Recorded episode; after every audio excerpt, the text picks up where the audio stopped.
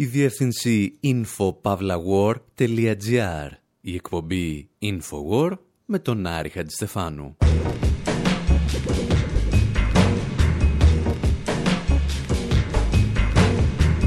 όπου σήμερα κάνουμε παρέα στον Όσκαρ Wilde μέσα στο κελί μιας φυλακής. Υποπτευόμαστε ότι υπήρχαν πολλοί τρόποι να ενοχλήσει στην κοινωνία της Βικτοριανής Αγγλίας και ο άνθρωπος αυτός τους εντόπισε όλους. Ακούμε την Πάτη Σμιθ να διαβάζει κείμενά του και τραγουδάμε για έναν άνθρωπο που μίλησε για τον σοσιαλισμό, διάβασε τον Κροπότκιν και τελικά μπήκε στη φυλακή για το πάθος του για τους άντρες. Και ύστερα διευρύνουμε την κουβέντα μας για φυλακές. Ακούμε τραγούδια από τα μπουντρούμια και για τα μπουντρούμια και τα αφιερώνουμε στα κολαστήρια του Κορυδαλού και άλλων ελληνικών φυλακών. Διαπιστώνουμε ότι η Ελλάδα είναι ίσως η μοναδική χώρα που διατηρεί ακόμη τη θανατική ποινή, αφού σκοτώνει κρατούμενους μέσα στα κελιά τους.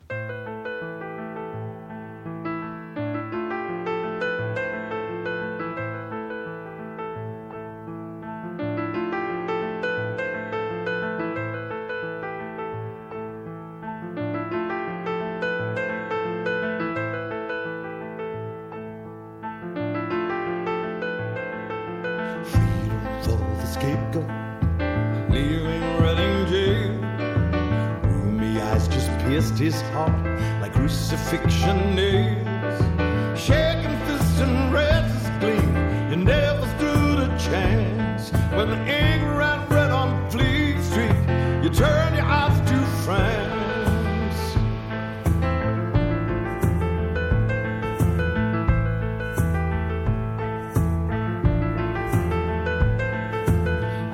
far from Dublin, chased across the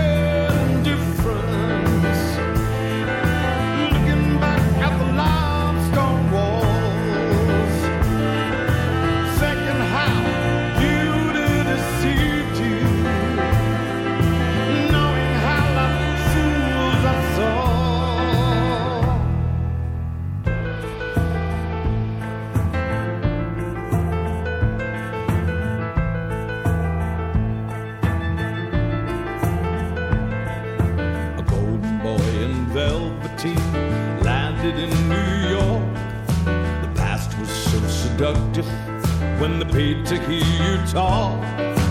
Baccarat and champagne flutes, tobacco from Virginia.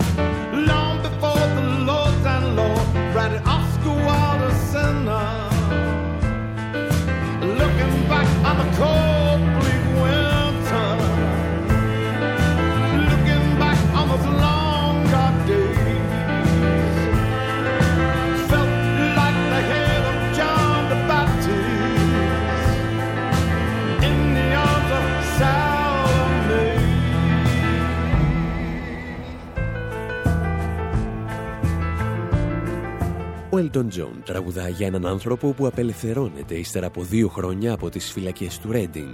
Τραγουδά για τον Oscar Wilde που βγαίνει από τη φυλακή και εγκαταλείπει για πάντα την Ιρλανδία και τη Μεγάλη Βρετανία. Θυμάται τις παλιές καλές ημέρες στη Νέα Υόρκη και το Λονδίνο όταν οι άνθρωποι πλήρωναν για να τον ακούσουν παίζοντας μπακαρά, πίνοντας ακριβή σαμπάνια και έχοντας δίπλα τους καπνό από τη Βιρτζίνια. Ο Έλτον Τζον διηγείται την ιστορία του διασημότερου τότε καλλιτέχνη που βρέθηκε από την κορυφή της Βρετανικής και Ιρλανδικής κοινωνίας μέσα στις χειρότερες φυλακές τους. Οι Αγγλοσάξονες θυμήθηκαν αυτές τις εβδομάδες την ιστορία του Όσκαρ Ουάιλντ όταν η Πάτι Σμιθ επισκέφθηκε τις φυλακές του Ρέντινγκ και διάβασε αποσπάσματα από το βιβλίο που αυτός έγραψε μέσα στη φυλακή, τον De Profundis ή εκβαθέων. The plank bed, the loathsome food, the hard ropes shedded in oakum till one's fingertips grow dull with pain. Στον Τεπροφούντις, ο Όσκαρ Βάιλ περιγράφει τις φρικτές συνθήκες των φυλακών που θα τον οδηγήσουν μερικά χρόνια αργότερα, μετά την απελευθέρωσή του, στο θάνατο. Αυτός που βρισκόταν στην κορυφή της Βικτοριανής Αγγλίας. Τα εξηγούσε σε ένα μίνι ντοκιμαντέρ του Guardian ο Σάντι Φρίου, ξεναγός στις φυλακές του Ρέντινγκ που σήμερα λειτουργούν σαν μουσείο. world was devastated. He'd, he'd come from um, Ο κόσμος του γκρεμίστηκε. Το όνομά του υπήρχε εκείνη την περίοδο σε φωτεινές επιγραφές στα μεγαλύτερα θέατρα του Λονδίνου. Δύο θεατρικές παραστάσεις του είχαν μόλις ανέβει και αυτός ήταν πιθανότατα ο διασημότερος άνθρωπος στη χώρα. Πέρασε από την κορυφή της κοινωνίας στον πάτο της. Δεν υπήρχε τίποτα πιο χαμηλά από το να καταλήξει σε αυτή τη φυλακή. Δεν του επέτρεπαν ούτε να μιλήσει. Αυτός που ήταν ένα ιδιοφυές πνεύμα.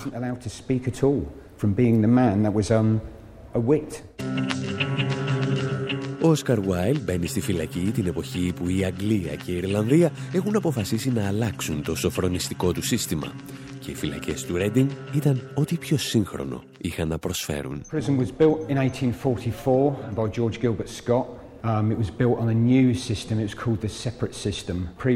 Η φυλακή χτίστηκε το 1844 από τον George Gilbert Scott. Λειτουργούσε με βάση ένα νέο μοντέλο που λεγόταν σύστημα διαχωρισμού. Παλαιότερα οι φυλακές αποτελούνταν από μεγάλες αίθουσες στις οποίες μπορεί να κοιμούνταν 30 ή 40 άτομα. Στη Βικτωριανή περίοδο θέλησαν να το αλλάξουν και το νέο σύστημα προέβλεπε ότι κάθε φυλακισμένος θα ήταν απομονωμένος. Ο κρατούμενος περνούσε 23 ώρες την ημέρα μόνος του. Είχαν μια ώρα για να ασκούνται και να πηγαίνουν εκκλησία. Τον υπόλοιπο χρόνο ήσουν μόνος σου στο κελί σου.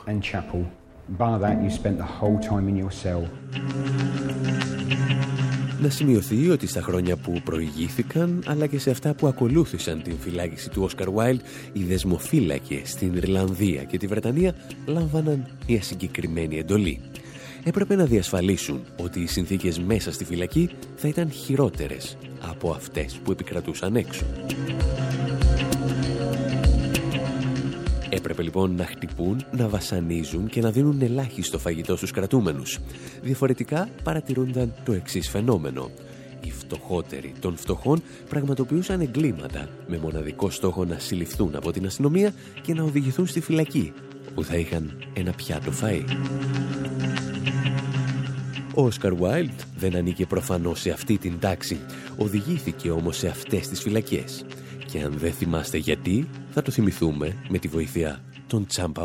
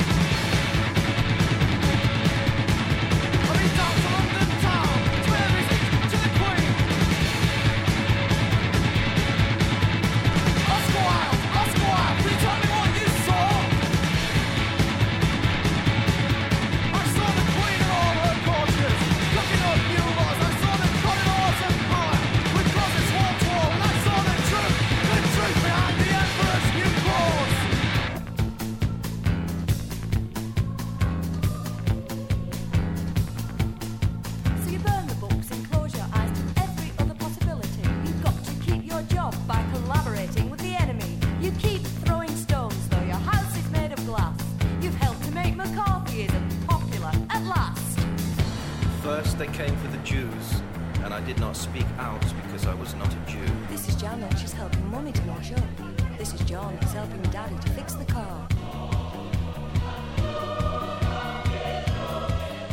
Oscar Wilde, Oscar Wilde. Μπορείς να μου πεις που ήσουν, τραγουδούσαν οι Τσαμπαουάμπα.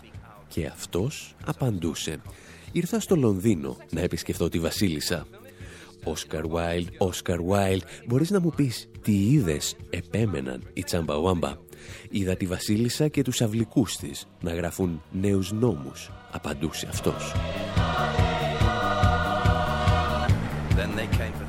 Το τραγούδι των Τσαμπαουάμπα γράφτηκε για το περίφημο άρθρο 29 που προώθησε η Μάργαρετ Θάτσερ με στόχο να ποινικοποιήσει την προώθηση της ομοφιλοφιλίας. Για την ακρίβεια ήταν το πέρασμα της Βρετανικής νομοθεσίας από την αρχή που έλεγε ότι η ομοφιλοφιλία είναι παράνομη αλλά μπορούμε να συζητάμε για αυτήν, στην αρχή ότι η ομοφιλοφιλία είναι νόμιμη αλλά απαγορεύεται να το λέμε παρά έξω. Και φυσικά οι Τσάμπα Ουάμπα θυμήθηκαν τον Όσκαρ Βάιλντ, ο οποίος βρέθηκε στη φυλακή για αυτή του ακριβώς τη σεξουαλική επιλογή. Για την ακρίβεια, ο Ιρλανδός ποιητής είχε υπερεκτιμήσει τη δικαιοσύνη της εποχής του. Όταν ο πατέρας του συντρόφου του έγραψε μια επιστολή στην οποία τον κατηγορούσε για σοδομισμό, αυτός σκέφτηκε να του κάνει μήνυση. Ο πατέρας του συντρόφου του λοιπόν έπρεπε πλέον να αποδείξει ότι η κατηγορία ευσταθούσε. Και το δικαστήριο τον δικαίωσε, στέλνοντας τον Όσκαρ Βάιλντ σε μία από τις χειρότερες φυλακές της χώρας. Μέσα από το κελί του πάντως, ο συγγραφέας θα συνεχίσει να κοιτάζει τα αστέρια και να ονειρεύεται ουτοπικές κοινωνίες. Αυτό τουλάχιστον ισχυρίζονται οι Addicts στο τραγούδι τους «Σαγκριλά». Ακούμε τι έχουν να μας πούν και επιστρέφουμε.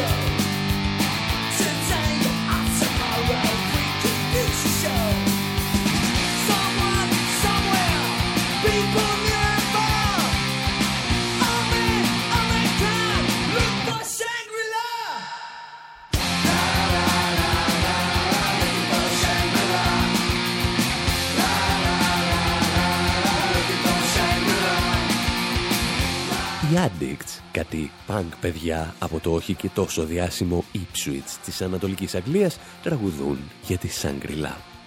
Όπου Σαγκριλά ήταν μια μυθική ουτοπία βγαλμένη από το βιβλίο του James Hilton «Χαμένος ορίζοντας». Και αν εσείς την γνωρίσατε όχι από τη λογοτεχνία αλλά από τις εκπομπές του Λιακόπουλου, απλώς ακούτε λάθος εκπομπή. Αυτό που εμάς ενδιαφέρει από το συγκεκριμένο τραγούδι, όπως είπαμε, είναι ότι οι Addicts φαντάζονται τον Orson Welles μέσα στο κελί της φυλακής του να κοιτάζει τα αστέρια, αναζητώντας και αυτός, όπως λένε, τη Σάγκριλά. Μόνο που η ιδανική κοινωνία στην οποία πίστεψε κάποια στιγμή ο Orson Welles δεν είχε τίποτα το μεταφυσικό. Δεν θύμιζε ούτε το Θιβέτ, ούτε κάποια άλλη θρησκεία στην οποία πιστεύουν οι απόγονοι της Βικτοριανής Αγγλίας. Η ιδανική κοινωνία του Orson Welles θα ήταν σοσιαλιστική ή κομμουνιστική. Τα εξηγούσε ο ίδιος στο βιβλίο του «Η ψυχή του ανθρώπου στο σοσιαλισμό» από που και το απόσπασμα που επιλέξαμε για εσάς. Στο σοσιαλισμό όλα θα αλλάξουν. Δεν θα υπάρχουν άνθρωποι να ζουν σε δυσόδη κρυσφύγετα φορώντα δυσόδη κουρέλια. Δεν θα μεγαλώνουν άρρωστα, πεινασμένα παιδιά σε απάνθρωπες συνθήκες και αποκρουστικό περιβάλλον. Ο σοσιαλισμός, ο κομμουνισμός ή όπως θέλει να τον ονομάσει κάποιος, θα μετατρέψει την ιδιωτική περιουσία σε δημόσιο πλούτο. Θα αντικαταστήσει τον ανταγωνισμό με τη συνεργασία. Θα επαναφέρει την κοινωνία στην κανονική της κατάσταση ενός υγιούς οργανισμού. Θα εξασφαλίσει την ηλική ευημέρεια κάθε μέλους της κοινότητας. Το γιατί ατάκες σαν κι αυτές δεν περιλαμβάνονται στα γνωστά τσιτάτα και τα αποφθέγματα που συνήθως κυκλοφορούν για τον Όσκαρ Βάιλ είναι μάλλον προφανές. Η σύγχρονη δεξιά θέλει να τον θυμάται απλώς σαν ένα bon vivant με εξαιρετική αίσθηση του χιούμορ, έναν άνθρωπο της δικής της τάξης. Κάποιοι πάλι στην αριστερά συνειδητοποιούν ότι αν αναπαράξουν τα σημαντικά αποφθέγματα του μπουρζουά Όσκαρ Βάιλτ, ο κόσμος θα καταλάβει ότι οι ίδιοι δεν ανήκουν πλέον στην αριστερά. Έλεγε λόγου χάρη ο Ιρλανδός συγγραφέας το να συστήνουμε στους φτωχούς λιτότητα είναι τόσο χονδροειδός γελίο όσο και υβριστικό. Η πρόοδος, συμπληρώνε, επιτυγχάνεται μέσα από την ανυπακοή και την επανάσταση. Στο βιβλίο του «Η ψυχή του ανθρώπου στο σοσιαλισμό», ο Όσκαρ Γουάιλ κήρυσε τον πόλεμο σε αυτό που οι ανώτερες τάξεις αποκαλούσαν αλτροϊσμό Περισσότερο από οποιονδήποτε άλλο μισούσε τη φιλανθρωπία που στεκόταν στα συμπτώματα ενός προβλήματος συσκοτίζοντας τα πραγματικά αίτια. Επιχειρούν να λύσουν το πρόβλημα της φτώχειας λόγου χάρη φροντίζοντας να διατηρήσουν ζωντανούς τους φτωχούς ή στην περίπτωση μιας πολύ προηγμένης σχολής φροντίζοντας να ψυχαγωγούν τους φτωχούς. Κάτι τέτοιο όμως δεν αποτελεί λύση. Είναι μια επιδείνωση του προβλήματος. Ο ορθός στόχος είναι να επιχειρήσουν να νοικοδομήσουν την κοινωνία σε τέτοια βάση ώστε η φτώχεια να είναι πια κάτι αδύνατο. Και οι αρετές του αλτρουισμού έχουν πραγματικά εμποδίσει την πραγμάτωση αυτού του στόχου. Και όταν ο Όσκαρ Βάιλ μιλούσε για επανάσταση και παρουσίαζε τις ιδέες του για το σοσιαλισμό, έφτανε συχνά στα χωράφια της αναρχίας. Το 1886 ήταν ο μόνος λογοτέχνης που υπέγραψε την επιστολή του Μπέρναρ Σό για την απελευθέρωση των αναρχικών που είχαν συλληφθεί στην Πρωτομαγιά της ίδιας χρονιάς στην εξέγερση του Haymarket στο Σικάγο. 1350 αστυνομικοί εφοδιασμένοι με οπλοπολιβόλα είχαν παραταχθεί τότε απέναντι σε συγκεντρωμένους εργάτες. Όταν ο επικεφαλής της αστυνομικής δύναμης διέταξε να διαλυθεί η συγκέντρωση, μία βόμβα έσκασε κοντά στους αστυνομικούς, οι οποίοι άρχισαν να πυροβολούν και να χτυπούν τους συγκεντρωμένους χωρίς καμία διάκριση. Οκτώ συλληφθέντες διαδηλωτές δικάστηκαν. Τέσσερις εξ αυτών καταδικάστηκαν σε θάνατο και εκτελέστηκαν και ένας ακόμη αυτοκτόνησε. Και ο Όσκαρ Βάιλ ήταν έτοιμος να τους υπερασπιστεί μόνος ανάμεσα σε συναδέλφους λογοτέχνες και στην ίδια του την τάξη. Ήξερε βλέπετε όλους τους τρόπους με τους οποίους μπορούσες να εξοργήσεις τη δική σου τάξη. Εσείς πάλι μένετε απλώς εδώ, γιατί ύστερα από ένα μικρό διάλειμμα επιστρέφουμε με διαφορετικές ιστορίες να μας θυμάστε και να μας επισκέπτεστε πάντα στη διεύθυνση info.pavlawar.gr από όπου πλέον μπορείτε να παρακολουθήσετε και το νέο μας ντοκιμαντέρ This is not a coup.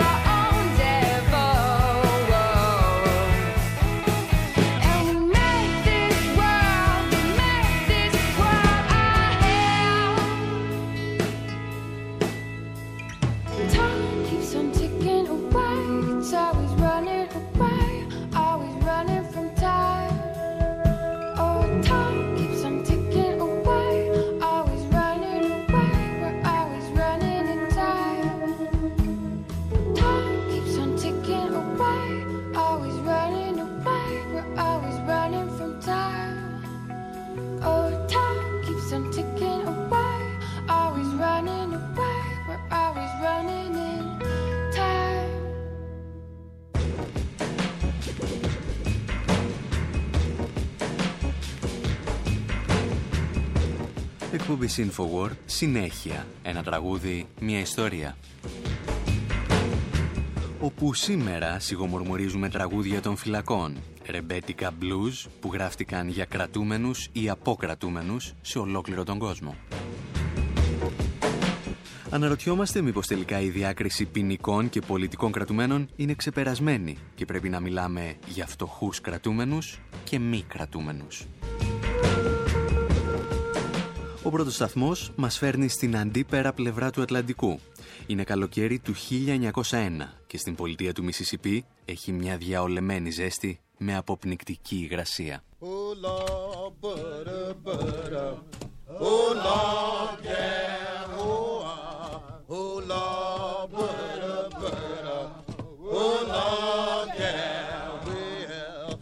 Στεκόμαστε έξω από τη φάρμα του Πάρτσμαν και μέσα ακούγονται φωνές σαν κι αυτές.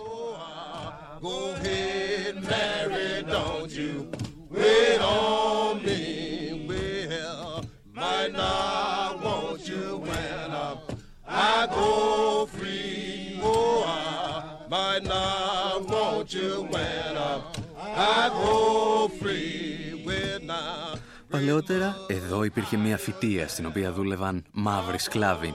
Τώρα βρίσκεται το παλαιότερο συγκρότημα φυλακών του Μισισιπί. Για το μεγαλύτερο μέρος του 20ου αιώνα οι κατάδικοι δούλευαν εδώ σε καταναγκαστικά έργα.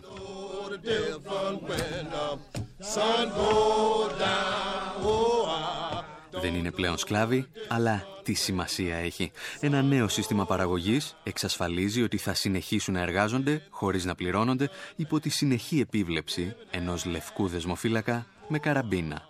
Σαν τον παλιό καλό καιρό.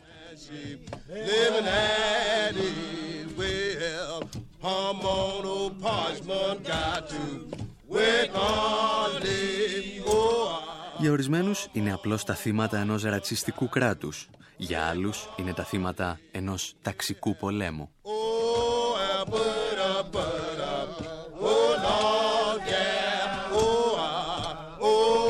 Για κάποιους άλλους δε, οι φυλακές του Πόρτσμαν ήταν το πρότυπο της σύγχρονης επιχείρησης.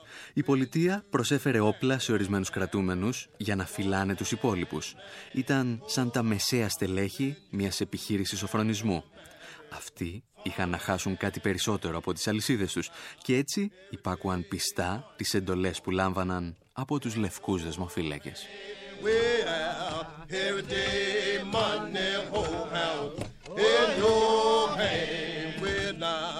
Αρκετά ονόματα της blues θα εκτίσουν ποινές στις φυλακές του Parchman, όπως ο Μπούκα White, που μέσα στη φυλακή θα γράψει τα περίφημα Parchman Farm Blues.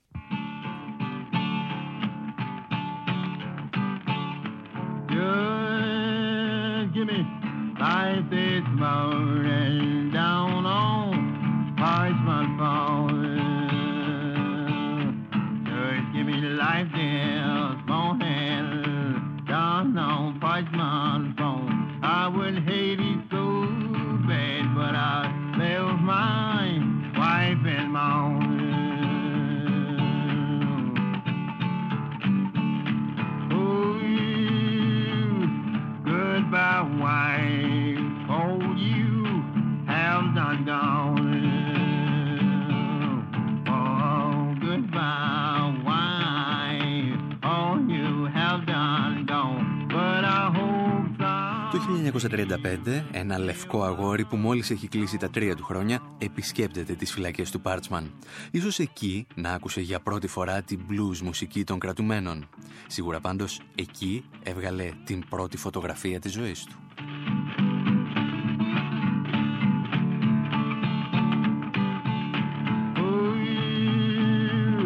Listen you men, I don't mean no harm. Τον πατέρα του παιδιού που είχε καταδικαστεί για οικονομικές απάτες τον έλεγαν Βέρμον και ο γιος του άκουγε στο όνομα Elvis. Elvis Presley.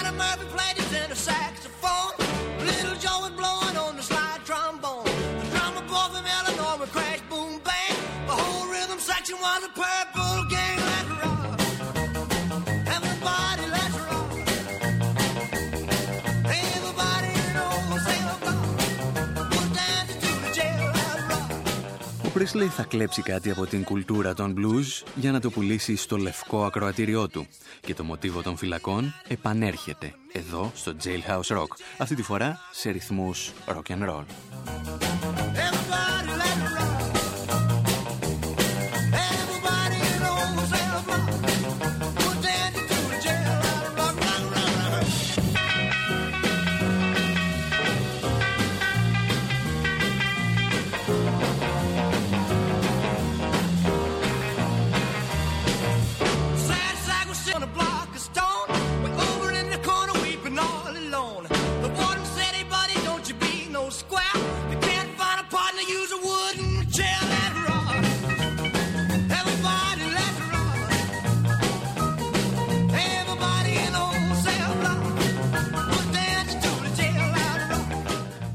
Ακρίβεια, ο Πρίσλεϊ απλώς τραγούδισε το Jailhouse Rock.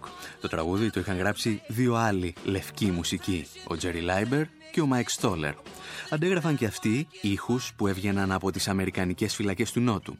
Έτσι θα γράψουν και το Riot in Cell Block 9, εξέγερση στην πτέρυγα 9, εδώ από τους Blues Brothers.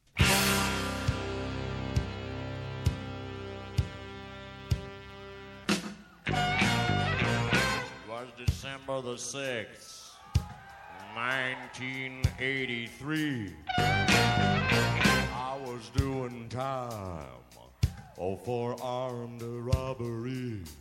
Oh, four in the morning, I was sitting in my cell. I heard a whistle blow, then I heard somebody yell. 1983 λέει εξαίτια κάτι χρονάκια για ένοπλη ληστεία. Όταν στις 4 το πρωί άκουσα κάποιον να φωνάζει «Έχουμε εξέγερση» στην πτέρυγα 9.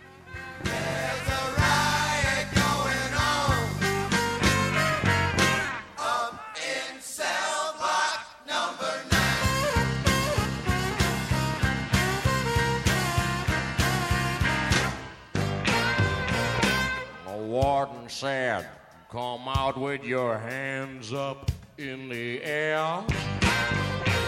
If you don't stop this riot, you're all gonna get the chair. Scarface Jones said it's too late to quit. Pass the dynamite. Don't you give me any shit. Ο δεσμοφύλακας είπε βγείτε με τα χέρια ψηλά. Αν δεν σταματήσετε θα πάτε όλοι στην ηλεκτρική καρέκλα. Ο Τζόουνς ο σημαδεμένος όμως είπε ότι είναι αργά για να σταματήσουμε και ζήτησε να του δώσουμε το δυναμίτι.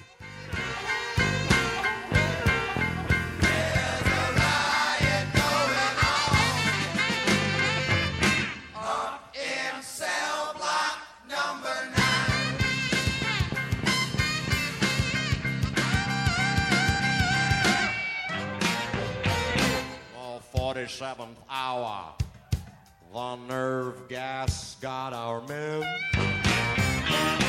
We're all back in ourselves, but every now and then. There's a riot going on. Την 47η ώρα, τα χημικά που έριξαν σταμάτησαν τον άνθρωπό μας. Γυρίσαμε όλοι στα κελιά μας, αλλά που και που γίνεται και καμία εξέγερση.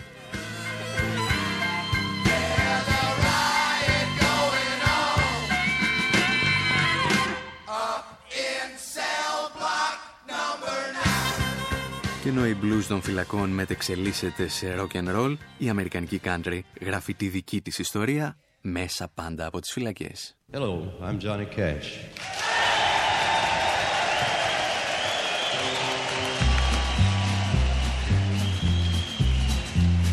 I hear the train a coming, it's rolling around a bend, and I ain't seen the sunshine since I don't know when. I'm stuck in Folsom Prison. And time keeps dragging on. But that train keeps a rolling on down to San Antone. Ο Τζόνι Κάς τραγουδά το Folsom Prison Blues, εδώ σε ζωντανή ηχογράφηση μέσα από τις φυλακές του Folsom στις 13 Ιανουαρίου του 1968.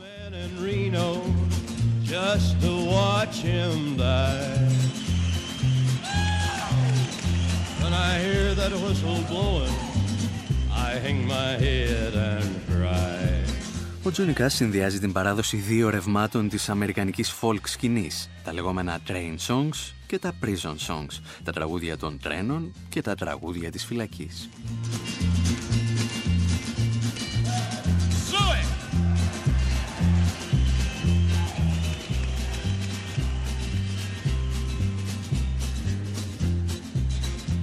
Οι φυλακές του Φόλσομ είχαν τη δική τους πικρή ιστορία. Κατασκευάστηκαν το 1880 για τους αποτυχημένους χρυσοθύρες, τους ανθρώπους που έφταναν στην Καλιφόρνια από κάθε γωνιά του πλανήτη, αναζητώντας το δικό τους Ελντοράντο. Κάποιοι το βρήκαν, κάποιοι απλώς κατέληξαν στη φυλακή. Για άλλη μια φορά, τα σίδερα ήταν για αυτούς που δεν είχαν τα κεφάλαια που θα τους εξασφάλιζαν την ελευθερία.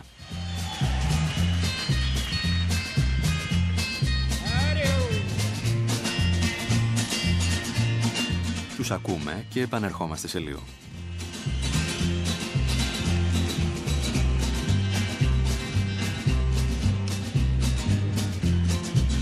Well, if they freed me from this prison, if that railroad train was mine, I bet I'd move it on a little farther down the line. Far from Folsom Prison, that's where I want to stay. Let that lonesome whistle blow my blues away.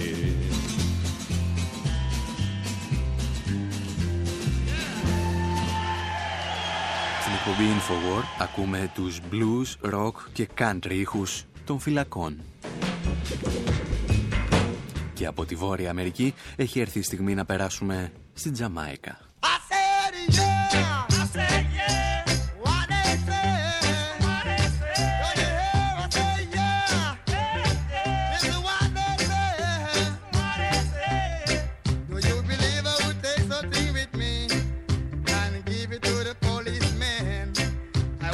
that.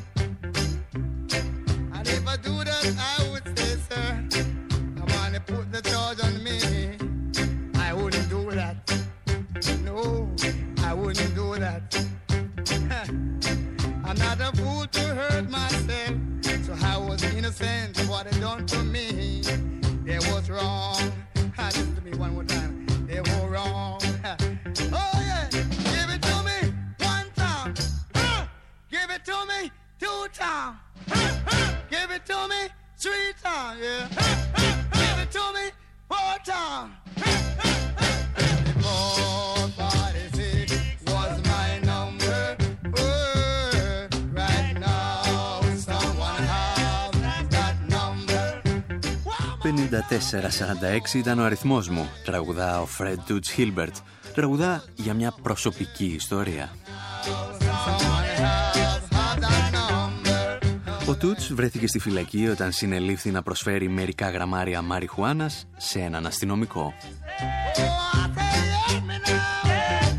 Αλλά ακόμη και αν είχα αυτό το πράγμα πάνω μου, λέει, πιστεύετε ότι θα το έδινα στον κύριο αστυνόμο;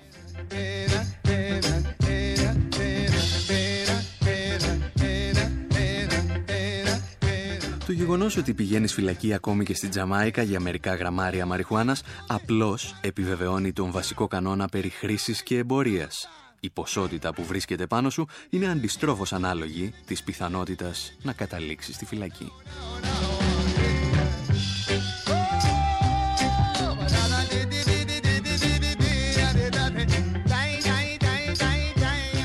Τραγούδι 5446 είναι το πρώτο κομμάτι της μουσικής ska που θα περάσει τον Ατλαντικό για να γίνει μεγάλη επιτυχία στην Ευρώπη.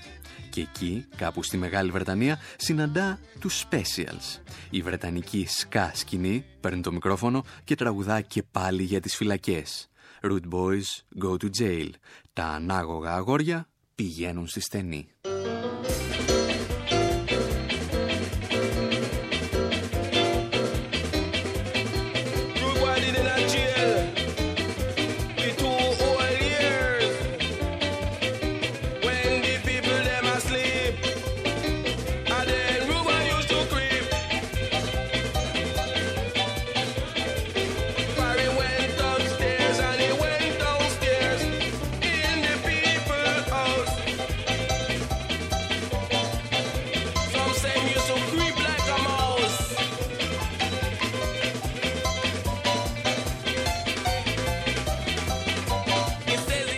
Στα τραγούδια των φυλακών της, η Ευρώπη φαίνεται να προχωρά ένα βήμα περισσότερο. Αρκετοί καλλιτέχνες βλέπουν τα συστήματα σοφρονισμού σαν μια συνέχεια της κοινωνίας. Χωρίς ίσως να το αναγνωρίζουν, αναπαράγουν τις ιδέες του Γάλλου φιλοσόφου Μισελ Φουκό. Του Φουκό που θεωρούσε ότι οι φυλακές ανήκουν σε ένα τεράστιο δίκτυο θεσμών και οργανισμών όπως τα σχολεία, ο στρατός και τα εργοστάσια.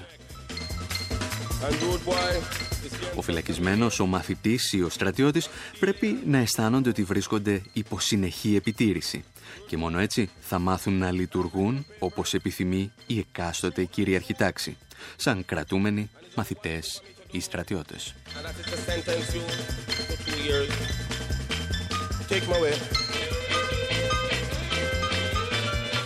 Το σκεπτικό με το οποίο σε αντιμετωπίζουν είναι δηλαδή πάντα το ίδιο. Η μόνη διαφορά είναι πώς καταλήγει κανείς στη φυλακή. Στη φυλακή συγκεκριμένα, μας τραγουδούν και οι κλάς, καταλήγεις όταν τα βάζεις με τον νόμο και ο νόμος κερδίζει.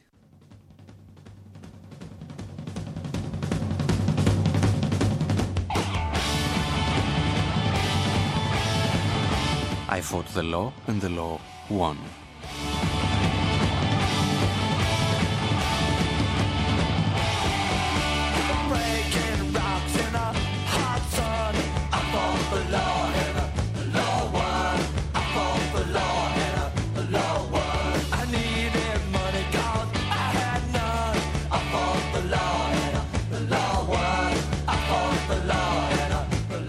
Πάω πέτρες, λέει, κάτω από τον καυτό ήλιο. Χρειαζόμουν μερικά χρήματα, γιατί δεν είχα καθόλου. Πολέμησα τον νόμο και ο νόμος με κέρδισε.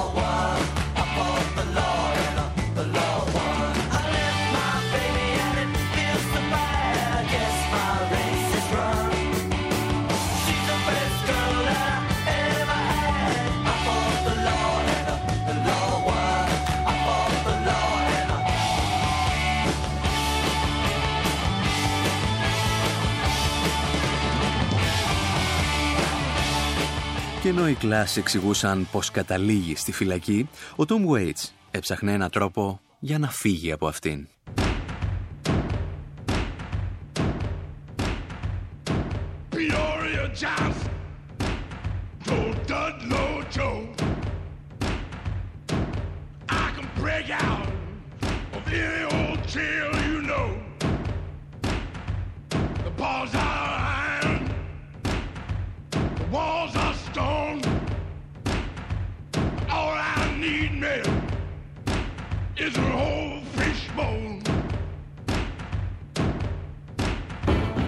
Μπορώ να φύγω από κάθε φυλακή, εξηγούσε. Τα κάγκελα είναι από σίδερο και η τύχη από πέτρα. Το μόνο που χρειάζομαι είναι ένα ψαροκόκαλο. Και σήμερα στη φυλακή θα σερβίρουν ψάρι.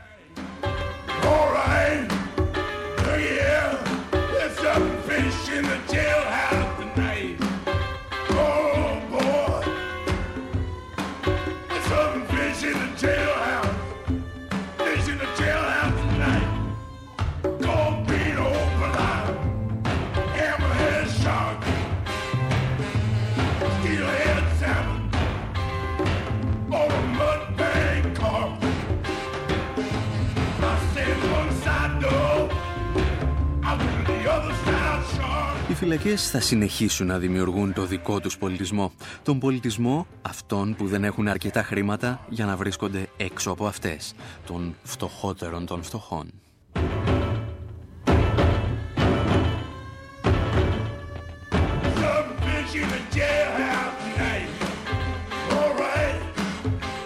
Παρατήρηση που αν τη δει κανείς ελαφρώς πιο αφαιρετικά καταργεί τη διάκριση ποινικών και πολιτικών κρατουμένων.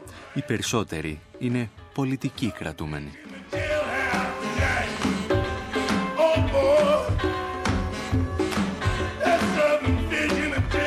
Και ο ρυθμός είναι σχεδόν πάντα ο ίδιος, από την blues των φυλακών μέχρι τα ρεμπέτικα των φυλακών.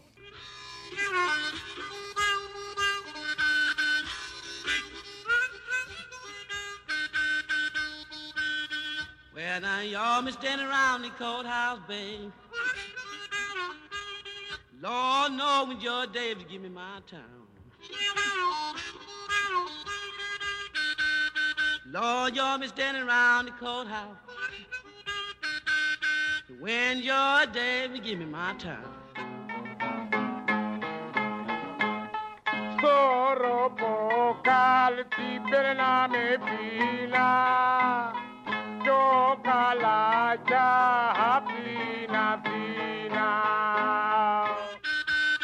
Well, I'm gonna leave my baby crying.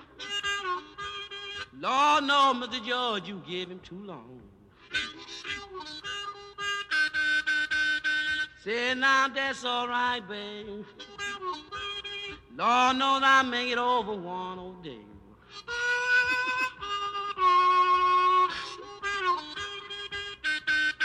Say now that's all right. Babe, I'll make it over one old day. Say now some of these days soon, babe. Babe, I'll make it back home again. Triti, baby, macaronia.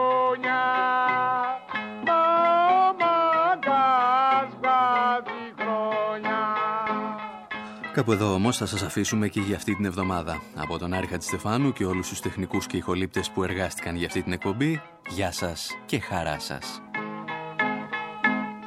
Και την Κυριά μακριά Ζάπα είναι πιο κουρέας Play a while me, man.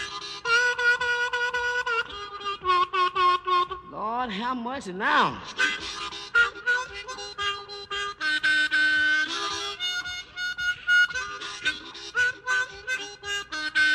Now fare you well, fare you well. Lord knows I'm on my legs go round.